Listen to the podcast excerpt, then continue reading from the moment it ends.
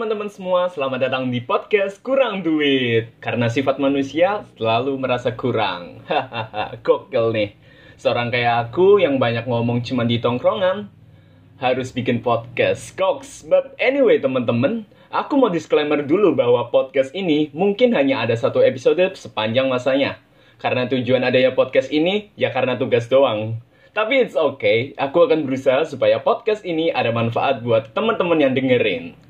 Oh ya, sebelum kita ke topik pembicaraan, aku mau memperkenalkan diri dulu nih. Nama aku Rashidan Al-Fatah, mahasiswa baru Institut Teknologi Sumatera dari Prodi Teknik Perkeretaapian yang sudah sekolah online selama satu setengah tahun gara-gara virus yang kita semua benci ini, teman-teman. Ngomong-ngomong soal sekolah online nih, aku terakhir sekolah online tuh ber eh sekolah offline berarti ya. Aduh, kebiasaan ngomong sekolah online nih.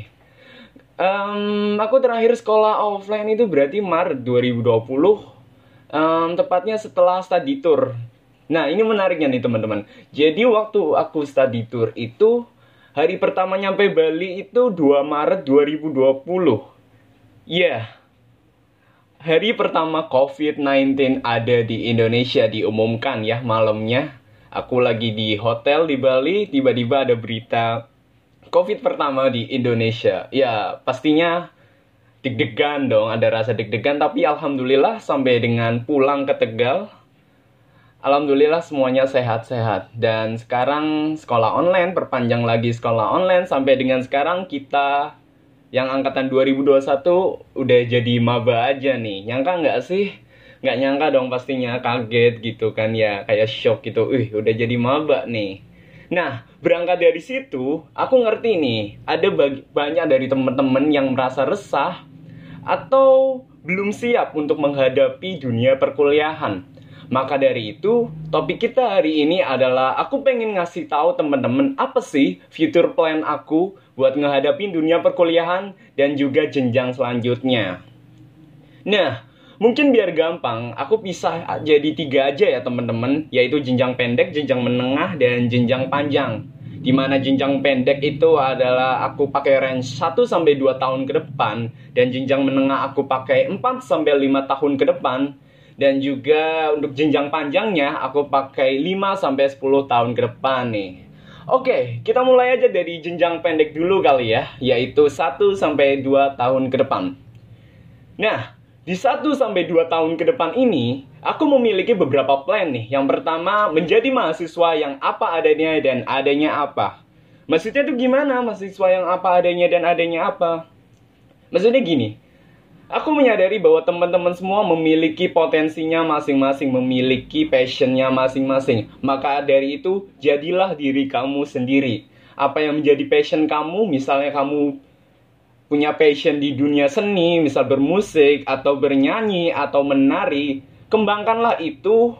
Um, kamu jadi itu aja dan adanya apa? Kira-kira misalnya kamu berbakat bermain musik, tapi aku nggak punya gitar yang bagus buat bikin musik nggak apa-apa adanya apa adanya gitar yang saat itu ya nggak apa-apa bikin aja dulu nah nanti yang kedua adalah kembangin skill kalian melalui platform-platform digital yang ada apalagi di dunia perkuliahan ini banyak sekali wadah-wadah yang bisa buat kalian belajar untuk mengembangkan skill-skill kalian itu tadi dan yang ketiga adalah berperan aktif dalam kegiatan kemahasiswaan maupun kegiatan kepemudaan di luar dari kegiatan kampus.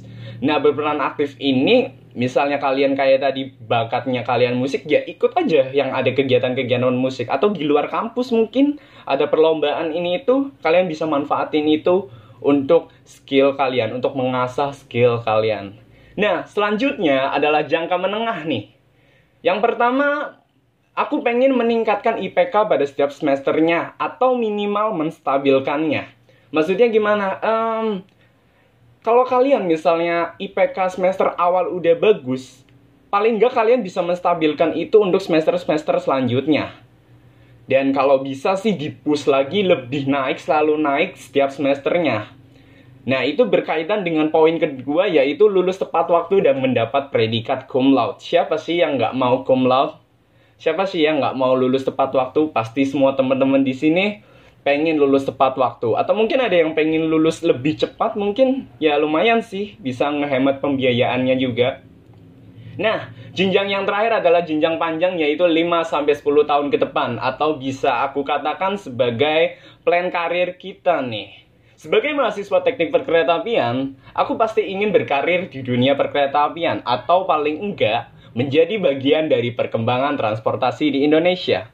Maka dari itu, plan aku adalah aku ingin bekerja di Kementerian Perhubungan maupun melalui di JNKA, Direktorat Jenderal Perkeretaapian, sebagai salah satu bentuk pengabdian terhadap negara melalui bidang transportasi darat, khususnya kereta api. Nah, mungkin kalian-kalian yang sekarang lagi kuliah kedokteran, mungkin kalian plan karirnya ya pengen menjadi dokter spesialis, atau mungkin ada kalian-kalian yang memiliki plan karir sebagai dosen maupun bidang-bidang lainnya pokoknya kalian itu semua keren ya. Gak ada yang jelek gak ada profesi yang jelek semua itu keren semua itu saling mengisi.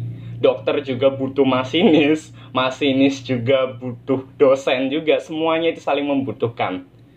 Tentu hal-hal tadi harus dilakukan dengan sepenuh hati ya teman-teman dengan time management yang bagus, sistem belajar yang nyaman. Nah, ini juga penting banget nih buat kalian-kalian yang udah masuk dunia kuliah, kalian harus tahu gimana sih sistem belajar kalian yang nyaman gitu.